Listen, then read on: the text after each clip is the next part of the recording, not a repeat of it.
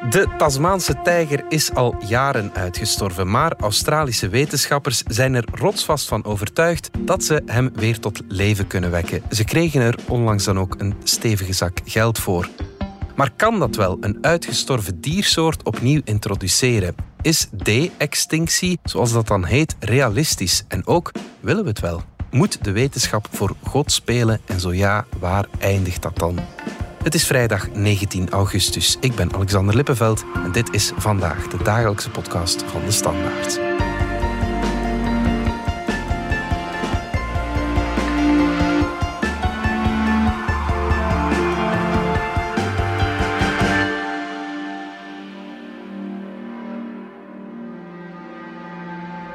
The Tasmanian tiger, easily distinguished by his straight, unjointed tail, is also a dangerous opponent, though, like the devil, is now very rare, being forced out of its natural habitat by the march of civilization. Dat was een tv-fragment uit, hou u vast, 1935. En in dat fragment wordt een Tasmaanse tijger met de naam Benjamin beschreven. Die leefde in de Beaumaris Zoo in de Australische stad Hobart op het eiland Tasmanië. This is the only one in captivity in the world. Benjamin was, voor zover we weten, de allerlaatste Tasmaanse tijger op aarde. Wetenschapsjournalist Dries de Smet, we gaan een heel boeiend verhaal brengen uh, vandaag. Om te beginnen, wat is die Tasmaanse tijger voor een uh, dier en hoe komt het dat hij uitgestorven is? Het is een buidelwolf, mm -hmm. zo heet hij in het Nederlands. Dus het is uh, geen tijger? Het is geen tijger, nee, maar hij heeft de strepen van een tijger. Mm -hmm. En dat is ook de reden waarom we die ook de Tasmaanse tijger noemen. Ja. Maar het is helemaal geen katachtige. Het is een buideldier. Okay. Met ja, een beetje de kop van een hond of een wolf. Vandaar mm -hmm. de buidelwolf. Ja. Heeft die strepen van een tijger en dan een lange rechte staart. Ja. Was niet zo heel groot, schoftgrootte 60 centimeter. Ja, dat is uh, zo wat een Duitse herder ongeveer. Ja, inderdaad. Ja, ja, ja, ja, was een hond. Ja. En ja, het was eigenlijk het, het toproofdier van Tasmanië. Ja. Um, die stond dus helemaal bovenaan de voedselketen. Mm -hmm. Roofde ja, op kleinere dieren. Mm -hmm. um, maar die is uitgestorven. Ja, oké. Okay. Dat is dan wel opvallend dat de, de top van de piramide uitsterft. Hoe, ja, hoe is dat gekomen? Wel, die, dat is gekomen door de Europese kolonisten. Ik, ja, ik kon het al raden. Het was de mens. Ja, exact. Um, men dacht, ja, die jaagt op kippen en op schapen. Mhm. Mm -hmm. um, op kippen dat zou kunnen, want hij, hij, had ook vogels op schapen. Dat was waarschijnlijk te groot voor hem, dus ja. dat was waarschijnlijk een urban legend. Ja. Maar op een gegeven moment werd er dus een beloning uitgekeerd voor elk dier dat geschoten werd en gedood werd. Mm -hmm. uh, en men is massaal gaan jagen aan het einde van de 19e eeuw. Tot men aan het begin van de 20e eeuw, dus begin 1900, vaststelt, ja, er zijn er bijna geen meer. Ja, oké. Okay. En dan heeft men uiteindelijk ook nog beslist van... oké, okay, we gaan die een beschermde status geven, maar dat was eigenlijk al te laat. En ja, is die uitgestorven. Ja, en hoe weet men dan dat zo'n dier echt is uitgestorven? Want dat eiland Tasmanië, het is toch dubbel zo groot als België. Echt heel klein is dat niet. Wie weet loopt er nog wel eentje rond. Dat is zeker zo. In vergelijking met, uh, met Australië is het een klein eiland, maar het dat is inderdaad wel een redelijke oppervlakte, ja. die ook dan nog bebost is. Ja. Um, dus je weet niet heel zeker welke, welke dieren er allemaal zijn. En men heeft tot heel lang, zelfs, zelfs nog in de afgelopen jaren, nog meldingen gehad van. Uh, ja, men heeft dan een Tasmaanse tijger ah, ja. gezien. Ah, ja. Dus dat, dat, dat, heeft mythische proporties. Dus in de jaren 30 weet men, oké, okay, die in de zoo heeft men gevangen. Het is ook geen toeval dat men die gevangen heeft in een zoo, want men wist, er zijn er bijna geen meer. We Hmm. moeten die conserveren. Er was heel veel vraag van dierentuinen om, om nog een Tasmaanse tijger te hebben. Ja. Um, en men zag dan bijvoorbeeld in de jaren 40, 50 voortdurend meldingen tot zelfs vandaag. Je hebt zo'n website, de Tessie Tiger. En men gaat op zoek naar de Tasmaanse tijger. En je ziet daar heel wat foto's, vaak vage foto's, van iets dat zou kunnen lijken op een Tasmaanse tijger. Maar ja. waarschijnlijk niet is. Maar goed, dat weten we niet zeker. UFO-gewijs uh, wordt dat Ik, dan gemeld. Exact. Of, of, misschien het monster van Loch Ness, waarbij je dat voortdurend opdekt, waar men dat, maar gaat, naar sporen gaat zoeken. Ja. Maar we kunnen er eigenlijk van uitgaan dat er toch geen meer zijn. Enfin, tot het tegendeel bewezen wordt natuurlijk. Ja, ja, natuurlijk. Ja. En wanneer is ze dan definitief uitgestorven verklaard? In, in de jaren 80, 1982 ah, ja. heeft men dat gedaan. Uh, wat wat ja, toch weer 50, ja, bijna 50 jaar is na het overlijden, enfin, het laatste vastgestelde overlijden van Ja. uh, de Tasmaanse tijger. En leefde hij dan alleen nog in Tasmanië in die tijd? Ja, dat klopt. Ja. Uh, dus hij, het was, was, een, was een dier dat voorkwam ook in Australië. Mhm.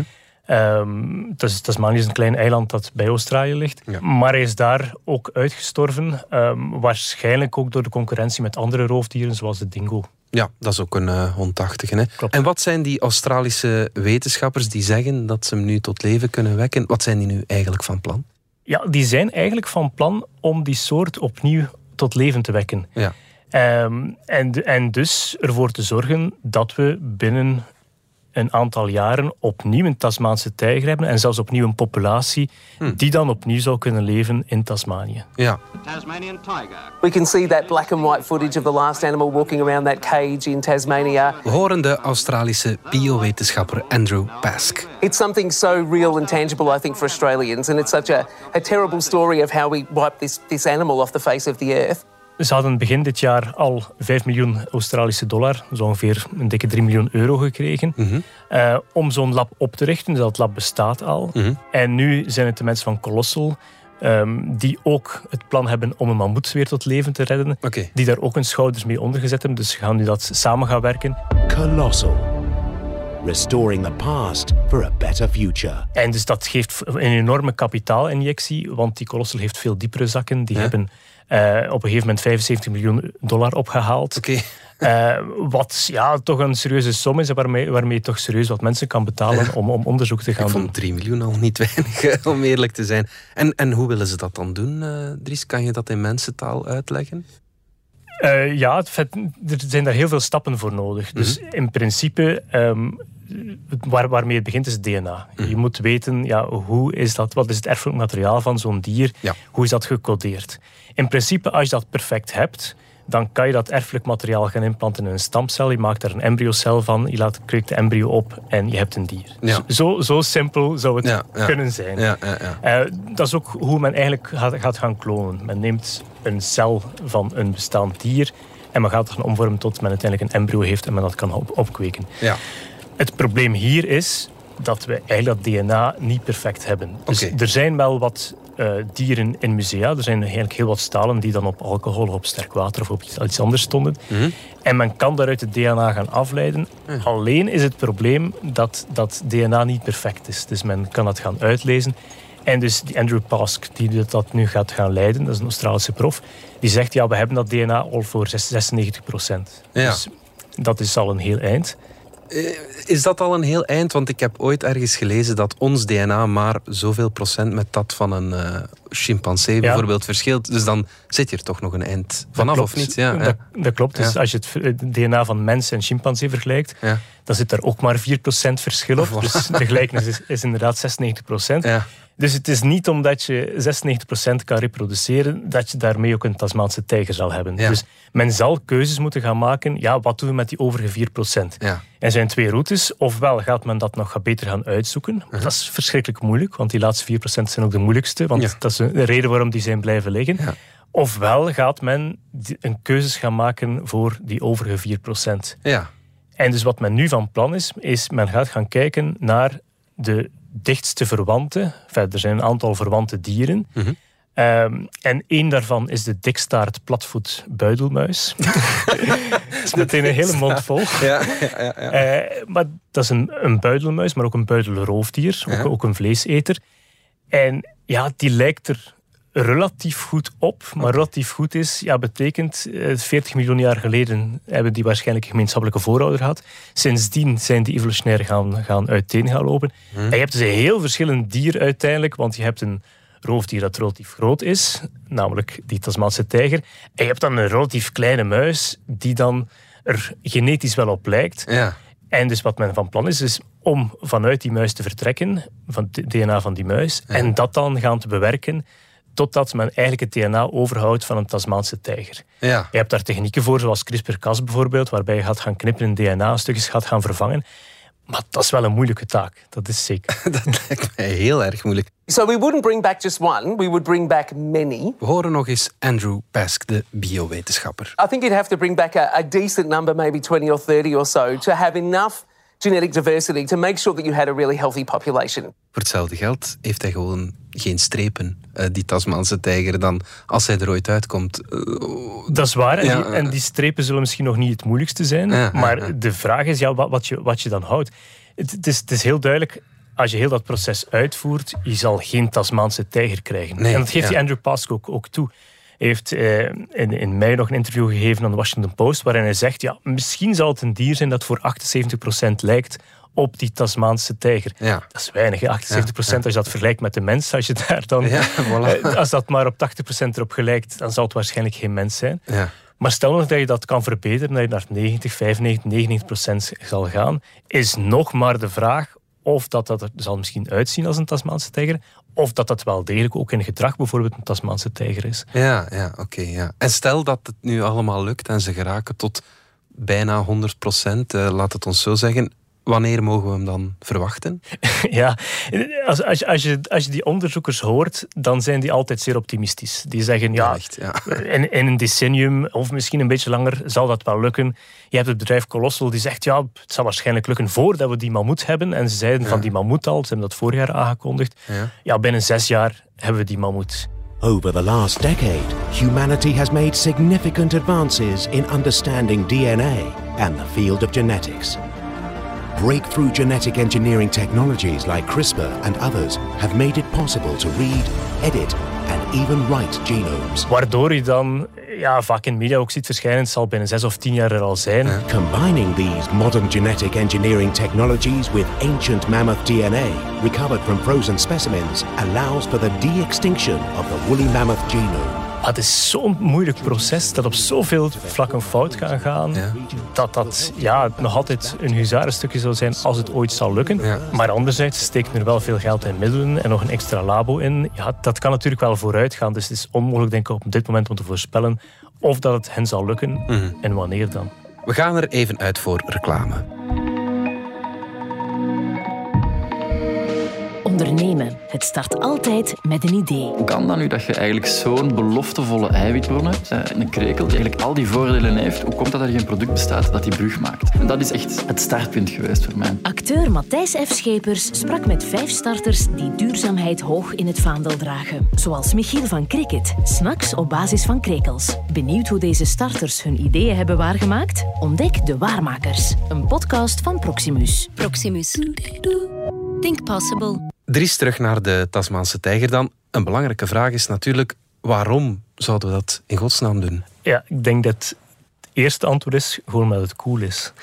Ja, om, omdat, we het, omdat we het kunnen. Het is, Ja. het is een roofdier dat uitgestorven is. Dat heeft ook mythische proporties, zeker in Australië. Wij vinden misschien, als je die foto's ja, bekijkt... het iets minder mythisch. eh, eh, maar dat mammoet dan weer wel. Dus het is op zich dezelfde discussie. Ja, Ik-. Exact, het is misschien. Niet, niet het mooiste dier of het meest bijzondere dier, maar het is wel, enfin, je zou kunnen zeggen, het is wel een mythisch dier. Ja. En als we dat kunnen om dat dier terug tot leven te wekken, dan kan dat misschien ook met andere dieren. Ja. Dus op zich heeft dat wel een zeker, zeker charisma, dat pro- project, en kan op een zeker enthousiasme ehm, rekenen. Maar zij zeggen zelf ook, ja, het is misschien ook wel belangrijk voor de natuur om dat te gaan doen. Mhm. Je hebt dat ecosysteem in Tasmanië, waar je eigenlijk de top, het toproofdier uitgeschakeld hebt. Ja. En dat heeft een aantal gevolgen voor het ecosysteem daar. Dat wil zeggen dat de dieren die daaronder zitten, dat we daar misschien te veel van hebben. Ja. Denk aan kangoeroes, wallabies. Maar je hebt bijvoorbeeld ook de Tasmaanse duivel. Dat is ook een buidelroofdier. Waarvan, waar we vandaag zien dat hij eigenlijk best wel wat genetische afwijkingen heeft. Hij heeft bijvoorbeeld een, een, eh, een kanker in de kop, eh, dus in het aangezicht. En als die Tasmaanse tijger er nog was geweest, dan konden we ervan uitgaan dat hij de zwakkere dieren zou uitschakelen Ja. en dat hij zou verhinderen dat die erfelijke defecten opstapelen. Ja. Wat finaal nadelig kan zijn voor het voorbestaan van, van dat dier. Ja. Dus je zou kunnen zeggen dat het eigenlijk het evenwicht herstelt in dat ecosysteem. Althans, vet, dat, is- dat is wat de, wat de voorstanders zeggen. Ja, dus je wil dat eigenlijk enkel doen met dieren die door het toedoen van de mens, niet door natuurlijke selectie zijn uitgestorven dan. Hè? Wil dat zeggen? Eh, niet per se, omdat als je dat gaat doordenken, zou je kunnen zeggen, er zijn misschien dieren uitgestorven. Dat zou bij de Tasmaanse tijger ook zo kunnen zijn, want die was genetisch ook zwak, als men die analyse bekijkt. dus ja. het zou kunnen dat die ook uitgestorven zou geweest zijn zonder toedoen van de mens. Mhm. Maar je zou kunnen zeggen, ja, we herintroduceren die, maar dat zonder de genetische defecten. Mhm. Dus je zou dat ook kunnen gaan doen. Je hoeft je niet te beperken tot dieren die uitgestorven zijn door toedoen van de mens. Ja, ja, ja oké. Speelt dat bij een mammoet ook, dat, eh, die redenen om dat ecosysteem te gaan herstellen, of helemaal niet? Ja, dat is nog een andere discussie bij de mammoet. Omdat een van de redenen waarom het mammoet uitgestorven is, is inderdaad jacht. We hebben daar als mens op gejaagd, dat klopt.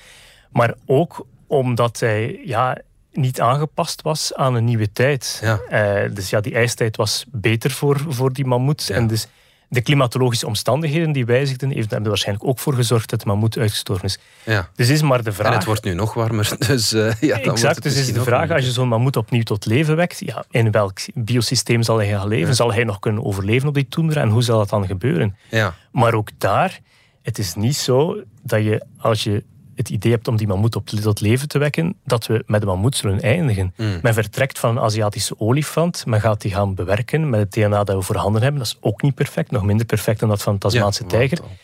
En dat zegt Colossal zelf, ja, we weten dat ook wel. Eh, en uiteindelijk gaan we misschien met een olifant zitten, die dan wel wolharig is, met het lange haar zoals een mammoet is. Ja. En we zullen ervan kunnen zeggen, ja, hij ziet er tenminste uit als een mammoet. Ja. Vraag zal zijn, zal het wel een mammoet zijn? Een soort eh, verklede olifant eh, is het dan eerder, ja.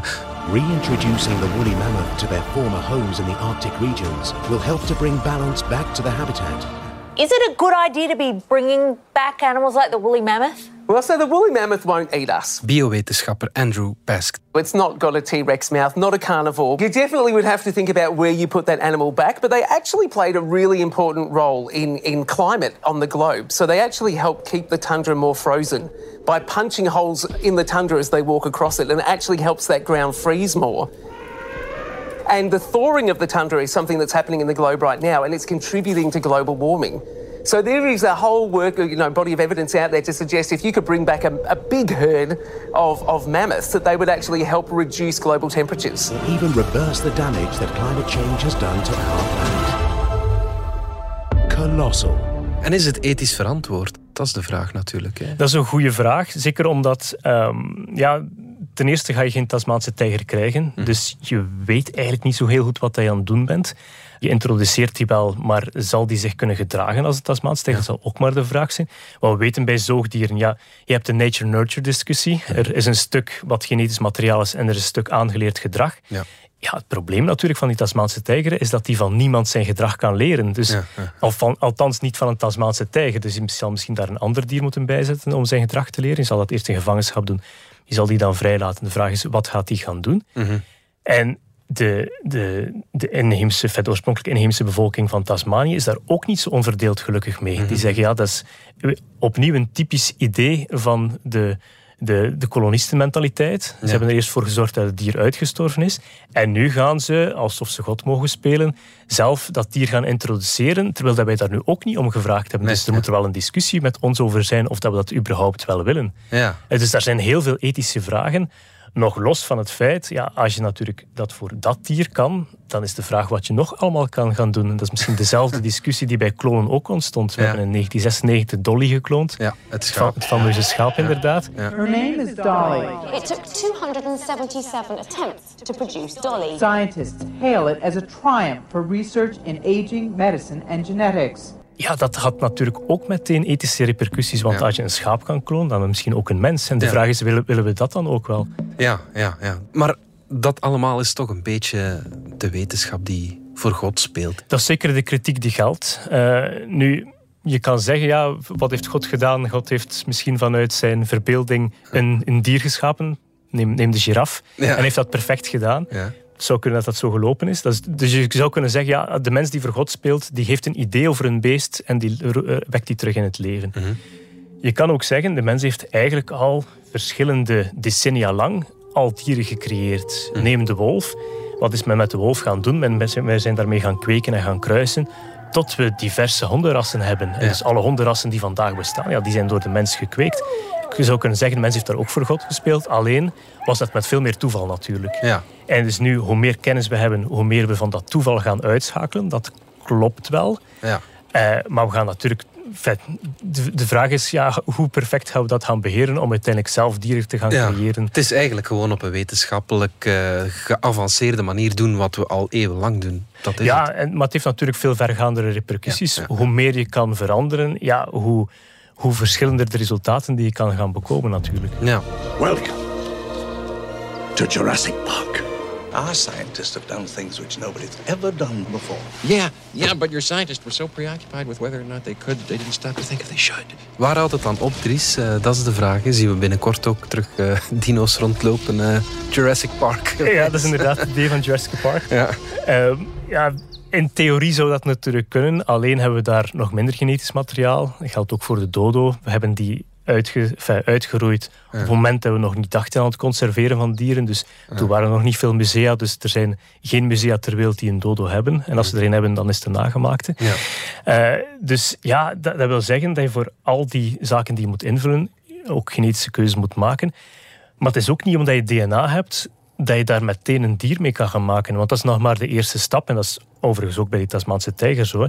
Dus je kan het DNA gaan repliceren. En gaan zeggen, oké, dit is het DNA dat we willen. Mhm. Je kan dan zeggen, oké, we hebben een embryo. Maar dan vervolgens moet je dat ook nog kunnen kweken. Je hebt ergens bij zoogdieren dan een, een baarmoeder nodig uh, van een bestaand dier die dat zou moeten kunnen doen, of van een, een kunstmatige. Want dat is bij, dat, bij die Tasmaanse tijger ook zo. Men zal misschien die baarmoeder gebruiken van die buidelmuis. En dan zouden zeggen, ja, hou mij niet voor de gek, want die buidelmuis is zoveel kleiner, die kan daar nooit in. Ja. Dus ze hebben daar het voordeel, dat is een buideldier. Dat wil zeggen, dat embryootje blijft daar maar voor een paar weken in, Ah, gaat dan in de buidel. En dus bij de geboorte vermoeden ze dat die embryo maar de grootte is van een rijstkorrel. Ah, ja. En dus dat die dan in de buidel gaat en dan Oké. eh, melk krijgt en zo. Maar dus al die stappen, eh, dus, dus die baarmoeder, eh, moedermelk, eh, het opkweken daarvan, ja, dat moet je wel ook allemaal kunnen gaan beheersen. Ja. En dus dat zijn wel heel veel stappen om, om te kunnen gaan doen. Ja, ja, absoluut niet eenvoudig. Wat vind je er allemaal van, Dries? Is dat hetgeen waar de wetenschap zijn geld in moet steken? Of hebben we misschien toch andere prioriteiten? Ja, enerzijds vind ik dat op zich wel een heel interessant project. Ja. In die zin, je hebt wel bevlogen wetenschappers nodig die het onmogelijke gaan doen. Ja, dat is ook dat is net wel- zoals met de ruimtewetenschappen. precies dat Ja, is. Hoe, je, hoe je daarin vooruit gaat. Je kan zeggen, als je dat voorbeeld van de ruimtevaart aanhaalt, is het nu nuttig om naar de maan te gaan? Ja. Je zou kunnen zeggen, ja, daar hebben we op zich niet veel nut uit gehaald. Het is niet dat we daar kunnen gaan wonen of dat we daar iets waardevol gevonden hebben dat ons nu zoveel verder brengt. Mhm. Maar het is natuurlijk wel zo, doordat we die onmogelijke stap zijn gaan zetten, dat we heel veel vooruitgang geboekt hebben op technologisch vlak. Voilà, ja. En je zou dat hier ook kunnen argumenteren. Het feit dat je zoveel moeilijke stappen moet gaan zetten, ook in het verbeteren van genetische technieken of, of ehm, technieken om, om, om genen te gaan bewerken, zou je kunnen zeggen dat je daar misschien, laten we, laten we optimistisch zijn, dat je daar ook voordeel uit haalt, omdat er technieken ontstaan die nog niet bestonden. Ja. En die we ook kunnen gebruiken, bijvoorbeeld voor andere diersoorten, waarvan we weten dat die bijvoorbeeld vandaag op uitsterven staan. Ja, En ja. waarmee je dan zou kunnen zeggen, oké, we gaan die dieren toch conserveren die vandaag nog bestaan en vermijden dat dieren die vandaag bestaan gaan uitsterven. Eh, dus, dus dat zou kunnen. Dat is, dat, is, dat is het positieve, dat daar wetenschappelijke doorbraken uitkomen. Ja. Anderzijds kan je natuurlijk wel argumenteren, daar gaat heel veel geld naartoe. Ja. En de vraag is, kunnen we dat geld niet beter gebruiken om bijvoorbeeld de dieren die vandaag op uitsterven staan, om die te gaan, eh, gaan beschermen en ervoor te zorgen dat die op zijn minst al niet uitsterven. Ja. En dus als je dat bedenkt vanuit biodiversiteit, is het waarschijnlijk veel efficiënter Ja. om de bestaande dieren eh, te houden. Je hebt zo'n studie uit 2017 die bijvoorbeeld zegt, ja, als je dat geld zou gebruiken, die nu gebruikt wordt in dat soort gekke projecten, Ja. voor echt conservatie van dieren, dan zou je twee tot acht keer meer diersoorten kunnen gaan redden. Oké, ja. ja. Maar Andrew Pask, die dan dat project leidt, die zegt, ja, ik ben al jaren bezig met conservatie van dieren. Ik krijg daar geen rotte freng voor, om, Ja. het, zo, om het zo maar eens te zeggen. Het is net iets minder sexy dan... eh, voilà, en nu kan ja. ik veel meer geld aantrekken. En als ik een deeltje van het geld kan gebruiken voor conservatie, dan is er een grote winst. Ja. Dus het blijft een moeilijk, moeilijk, moeilijk debat. Voilà, maar een boeiend debat, eh, dat wel. Dat Goed. zeker. Dries is met, dankjewel. Met veel plezier. Dit was vandaag de dagelijkse podcast van De Standaard. Bedankt voor het luisteren. Volg ons op Spotify, Apple Podcast of eender welk ander podcastplatform. In onze gratis app DS Podcast kan je niet alleen ons werk beluisteren, maar ook de beste podcasttips voor op vakantie of ergens onderweg. Met zorg geselecteerd door onze redacteur Max de Moor. Alle credits van de podcast die je net hoorde vind je op standaard.be-podcast. Reageren kan via podcast.standaard.be. Maandag zijn we opnieuw.